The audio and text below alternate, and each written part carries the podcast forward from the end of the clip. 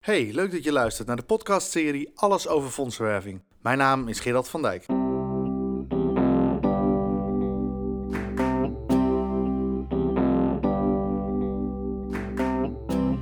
Je luistert naar een podcast van Krantio Fondsenwerving. Welkom bij een nieuwe aflevering eh, van de podcast van Grantio Fondsenwerving. En in deze aflevering wil ik het met je hebben hoe een blinde zou fondsen werven. En misschien vraag je je af, ja, hoe kom je nou toch bij dit onderwerp? En dat komt eigenlijk door een TED-talk die ik heb eh, gezien van Chris Downey. En uh, Chris heeft een uh, TED-talk op TED.com met de titel Design with the Blind in Mind. Ontwerp met de blind in gedachten. En Chris Downey is een architect die een hersentumor heeft gehad en hij is daar aan geopereerd. En de operatie was in die zin succesvol dat de tumor is verwijderd, maar als gevolg daarvan is hij wel blind geworden. In die TED-talk beschrijft hij hoe hij, voordat hij blind was uh, als architect, uh, steden, steden ontwierp en gebouwen ontwierp. En hoe, hoe hij dat na die tijd deed. En uh, het is fascinerend om, om daarnaar te luisteren. Dus mocht je een kwartiertje tijd hebben, dan kan ik je deze TED-talk zeker aanbevelen. En de parallel die ik, die ik wil trekken is met hoe fondsenwervers eigenlijk ja, beter zouden kunnen fondsenwerven als ze dat zouden doen zonder hun zicht te gebruiken. Nou is dat natuurlijk een beetje lastig om dat in de praktijk toe te passen. Vind het moeilijk in een gesprek zeggen, moment, ik doe even mijn, mijn blinddoek om. Maar toch, blinden, zijn, uh, blinde personen zijn uh, veel meer geneigd om hun zintuigen te gebruiken. En ik denk dat we dat als fondsenwervers ook zouden moeten doen, omdat we daardoor betere gesprekken krijgen en uiteindelijk ook beter resultaat. En dat is natuurlijk waarom we fondsen werven. Fondsenwerven is geen doel op zich, maar fondsenwerving helpt je om je sociale missie te realiseren. No money, no missie. Zo simpel is het nou eenmaal. En ik wil eigenlijk een aantal zintuigen met je langslopen. Wat dat voor uh, zou kunnen betekenen als we die als het ware als een blind persoon zouden gebruiken. En ik wil beginnen bij, de, bij het zintuig horen. Dus je, je gehoor gebruiken. En dat lijkt een open deur. Maar in hoeverre uh, luisteren we echt naar wat die ander zegt? En stellen we open vragen? Dit is allemaal niet nieuw, dat weten we natuurlijk allemaal al wel. Maar pas je het ook toe in je gesprekken? En veel fondsenwervers hebben de neiging, en mijzelf inclusief, om heel enthousiast te gaan vertellen over onze projecten, over onze organisatie, over resultaten, over nou, vul maar in. Terwijl het veel belangrijker is om vragen te stellen aan die ander uh, wat hij of zij belangrijk vindt in het leven. Uh, wat hij of zij doet voor de kost. Of dat hij of zij een gezin heeft en uh, interesses. Want als je goed luistert naar die ander, wie die persoon is, wordt het voor jou ook veel makkelijker om als je keuze hebt uit meerdere projectvoorstellen, om de juiste voor te stellen. Dus door je zintuigen te gebruiken, door, door je oren te gebruiken, door echt te luisteren wat die ander zegt, en vooral ook wat die ander niet zegt, kun je heel veel te weten komen. En de kunst is dat je leert te verstaan wat die ander bedoelt. En dat doe je dus door A, open vragen te stellen. Dat zijn altijd vragen met wat, hoe, wanneer, waarom, hoeveel. Ruimte te geven en daarmee bedoel ik dat je ook gewoon eens even 10 seconden je mond houdt nadat diegene is uitgesproken of nadat jij een vraag hebt gesteld. Toen ik uh, in de IT werkte, uh, vond ik dat buitengewoon lastig. Want ik had de neiging om ontzettend veel informatie te, te geven. Er was ook veel informatie te delen met uh, gesprekspartners. totdat iemand tegen mij zei van, um, als die ander wat verteld heeft, hou gewoon eens even tien tellen je mond. En laat non-verbaal merken dat je die ander hebt gehoord, maar dat je nog steeds aan het luisteren bent. En wat er eigenlijk dan altijd gebeurt, is dat de persoon die iets verteld heeft, doorgaat met vertellen. En nog meer informatie geeft. En die is ontzettend bruikbaar. Dus hou af en toe 10 seconden je klep. En stel controlevragen. Begrijp ik goed dat? Bedoelt u daarmee zus? Nou, en door controlevragen te stellen, kun je die ander laten weten dat je hem hebt begrepen. Dus niet alleen uh, dat je hem hoort, maar dat je hem ook hebt verstaan. Een ander zintuig wat uh, blinden natuurlijk veel gebruiken is voelen. En uh, je kent het wel, mensen die met zo'n stok langs de straat lopen en met de stok niet alleen het, de structuur van, de, van de, waar ze lopen voelen, maar ook door op dingen te tikken, aan de klank herkennen wat het, wat het zou kunnen zijn, wat het is. En dat voelen ga je natuurlijk als fondsenwerver niet letterlijk doen, kan ik je niet aanbevelen. Zeker niet in deze tijd met alle schandalen daaromtrent. Dat is niet mijn bedoeling. Maar ik bedoel het voelen meer in de context van aanvoelen. Aanvoelen en invoelen. En aanvoelen wil zeggen dat je begrijpt uh, wat die ander belangrijk vindt, hoe die ander in het leven staat, waar die ander naartoe zou willen. En invoelen meer in de zin van inleven. En inleven draait dus niet om jou, maar draait dus om die ander. En werkelijk inleven in de situatie en in de wensen en doelstellingen van een ander ehm, kan je alleen als je niet vanuit je eigen project denkt. Want als je vanuit je eigen project denkt, dan ben je degene die uh, zijn schoonmoeder nog zou verkopen of een koelkast aan Eskimo's. En dat willen we niet zijn. Uh, want we verkopen betrokkenheid. We willen dat mensen intrinsiek betrokken raken bij onze projecten. En dat kan dus alleen als die ander dat wil. Dus het is belangrijk dat je uh, die ander aanvoelt, en maar dat je ook die ander invoelt. Dat je, dat je inleeft in de situatie. En je zou kunnen zeggen, ik ben een zeiler, en je zou kunnen zeggen, welke kant waait de wind op? En uh, wees daar sensitief voor. Voel dat aan. En benoem het ook als je denkt, hey, deze wind waait een andere kant op. En ik heb het in een andere aflevering wel eens benoemd, dat ik dat wel eens ter sprake heb gebracht bij iemand. Die zei, volgens mij heeft u, gaat uw interesse uit naar andere projecten dan ons project. Klopt dat? En mijn gesprekspartner bevestigde dat. En ik was zeer teleurgesteld, want uh, het was een zeer vermogend iemand, dus ik had uh, hoge verwachtingen. Ik heb het gesprek afgerond, gezegd, nou dan, dan lijkt me niet zinvol dat we nu hierover doorpraten. En nou, we dronken de koffie op en we gaven elkaar een hand. En maanden later kwam iemand anders bij ons die zich meldde omdat hij interesse had in het project. En ik vroeg aan diegene, hoe ben je aan ons gekomen? Die vraag stel ik overigens altijd. En die zei, nou, ik werd getipt door een bevriende relatie. Die zei, als je een betrouwbare club zoekt, dan moet je daar zijn.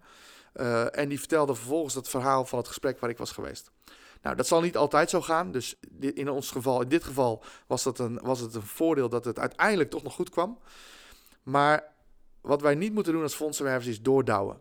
Uh, want daar wordt niemand blij van. Niemand wil als een soort uh, Jehovah-getuige een voet tussen de deur klemmen en om toch maar het verhaal kwijt te kunnen. Dus voel aan waar die ander staat en waar die ander naartoe wil. Dus we hebben horen, voelen en dan komen we bij ruiken. En dat is misschien een beetje een vreemde, vreemd zintuig om dat in de context van fondswerving te plaatsen. Maar een blinde gebruikt geur om zich te oriënteren. Uh, een blinde ruikt of dat er een restaurant in de buurt zit of een vuilstort of dat er uh, stinkende diesels voorbij komen of dat hij in een park loopt. Dus die gebruikt geur om zich te oriënteren. En ook hier geldt natuurlijk weer dat we dat niet letterlijk moeten nemen, maar je kunt wel het symbolisch gebruiken in de zin van is die ander positief en welwillend of misschien zelfs negatief en heeft hij of zij misschien wel weerzin tegen jouw organisatie of jouw type project. En dat moet je niet persoonlijk opvatten. Maar het kan zijn dat, dat de, je gesprekspartner een negatieve ervaring uit het verleden heeft gehad. En dan is het belangrijk dat je daar, dat je daar alert op bent. En dat je, dat je als het ware de geur ruikt van, van in welke sfeer zitten we hier, in welke context zitten we hier. Is er positiviteit en welwillendheid of is er negativiteit en weerzin? En als je het gevoel hebt dat er weerzin is, ook dan zou ik je willen adviseren, maak het bespreekbaar. Ik heb zelf uh, NIMA gedaan en uh, als onderdeel daarvan uh, moest ook een klantgesprek voeren. En daar kwam altijd een klacht in naar voren. met als doel om te kijken of dat jij daar op in kunt spelen, of dat je ermee om kunt gaan. Dus wees je ervan bewust dat als je in gesprek gaat met iemand over betrokkenheid bij jouw organisatie, dat het zo wel eens zou, zou kunnen zijn dat de ander een negatieve ervaring heeft. En misschien niet met jouw organisatie, maar misschien wel met een andere organisatie. En ook dan is het belangrijk dat je daar op de een of andere manier op ingaat en probeert om, dat, om die uh, weerzin of die negativiteit weg te nemen. Als je bijvoorbeeld uh, in ontwikkelingssamenwerking zit en een andere organisatie heeft, het, uh, heeft een project verprutst, of in ieder geval in de ogen van de, van de betrokkenen, kijk dan, ga, er dan op in en vraag door. Waarom, waarom, wat was uw negatieve ervaring? Kunt u daar iets over vertellen? En wat vond u daar lastig of vervelend aan? En hoe zou u dat liever anders zien? En wat zijn voor u belangrijke criteria om een, een project wel of niet te steunen? En welke gewenste uitkomst zou voor u belangrijk zijn? Nou, allemaal van dat soort open vragen kunnen je helpen om de, om de pijn naar boven te trekken en te elimineren en om te zetten in kracht. Dus als je het gevoel hebt dat er een, een, een, een, een stank heerst, een negatieve geur, uh, benoem het en probeer het te, te signaleren. Goed. En dan kom je automatisch bij proeven. Nou, ook hier geldt natuurlijk weer niet, is dat niet letterlijk, maar je kunt wel proeven wat wil de ander en vooral ook wat wil de ander niet. En ook daarin kun je eh, vragen stellen. Je kunt, je kunt het soms letterlijk benoemen. Je kunt zeggen: Ik proef enige terughoudendheid bij u, klopt dat? Of bij jou, net voor wat voor soort gesprek je hebt. Um, maar probeer te proeven van wat, wat wil die ander. En, en ook daarin kun je heel goed controlevragen stellen. En als fondsenwerver zijn we, als het goed is, resultaatgericht. Uh, hebben we een, een target of een doelstelling in gedachten op het moment dat we bij iemand binnenstappen. Maar laat, parkeer die op het moment dat je in gesprek gaat. En probeer vooral te ontdekken wat wil die ander en hoe zit hij erin. Want korte termijn resultaat is, is, uh, loopt vrijwel altijd dood. En misschien krijg je dan één keer een, een, een donatie, maar is de betrokkenheid van die persoon ver te zoeken. En dat is wat we nou juist willen. Dus breng het in gesprek van uh, wat je denkt uh, te proeven. En stel ook controlevragen, ook aan het einde van het gesprek van... zijn er nog dingen misschien onduidelijk voor u? Of we spreken het zo en zo af. Of ik heb het idee dat u dat en dat wil, of die en die kant op wil. Klopt dat? En uh, nou, op die manier kun je denk ik met horen, voelen, ruiken en proeven... een beter gesprek voeren. En het zien, ja, dat heeft natuurlijk een, een, een blinde niet. En dat heeft de, daar zegt Chris Downey van dat het uh, inmiddels een voordeel voor hem is geweest. Nou, ik vind het wat moeilijk om dat uh, te beamen, omdat ik niet blind ben en zeker niet lichtzinnig over uh, mensen met deze handicap wil spreken. Maar hij benoemt het zo. Hij geeft aan dat hij eigenlijk een beter architect is geworden sinds dat hij blind is geworden, omdat hij veel meer op zijn zintuigen vertrouwt in hoe een stad ontworpen zou moeten worden. En ik kan hem in die zin volgen dat als wij ons zicht gebruiken, onze ogen, hebben we heel snel een, een mening of een oordeel klaar op basis van wat we zien op basis van hoe iemand zich kleedt, op basis van uh, de houding die iemand aanneemt, op basis van de plek waar je iemand treft. Dat kan zijn uh, thuis, dat kan zijn op kantoor, dat kan ergens anders zijn. op basis van de auto die iemand rijdt, op basis van, nou noem maar op. En um, ik zou je een, een advies willen geven waar ik, waar ik zelf meerdere keren de fout mee in ben gegaan. En dat is laat oma thuis. Nou, nooit meer vergeten, laat oma thuis. En oma staat voor oordeel, de O van oordeel, de M van mening of meningen en de A van aannames. Dus oordeel, mening en aannames. En want als je, als je dat namelijk uh, uh, wel doet in een gesprek, dan kan het ontzettend uh, blokkerend zijn. Dus het kan je op het verkeerde been zetten.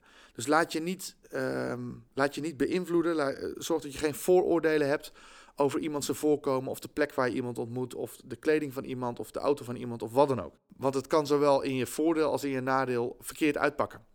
Dus in je voordeel kan zijn dat je uh, positief verrast wordt.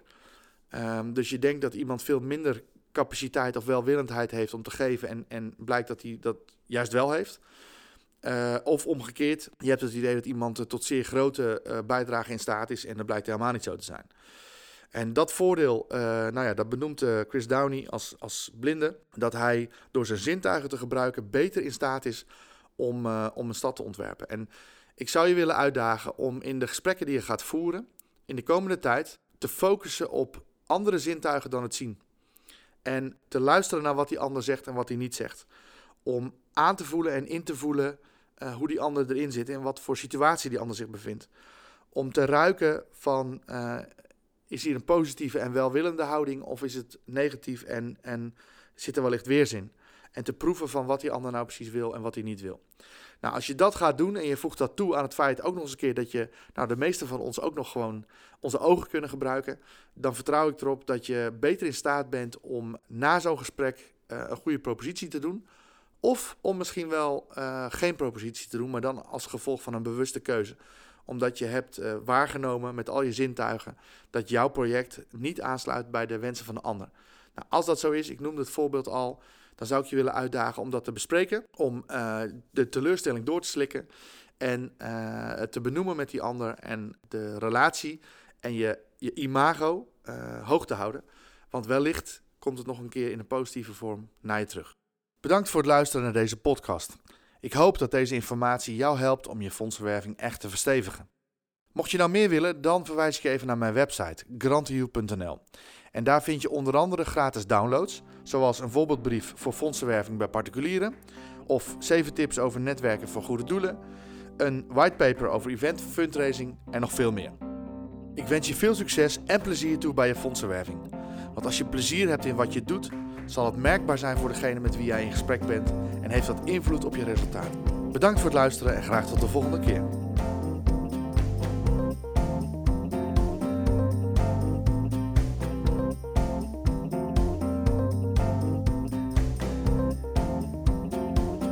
Heb je vragen? Stuur je mail naar podcast.grantioe.nl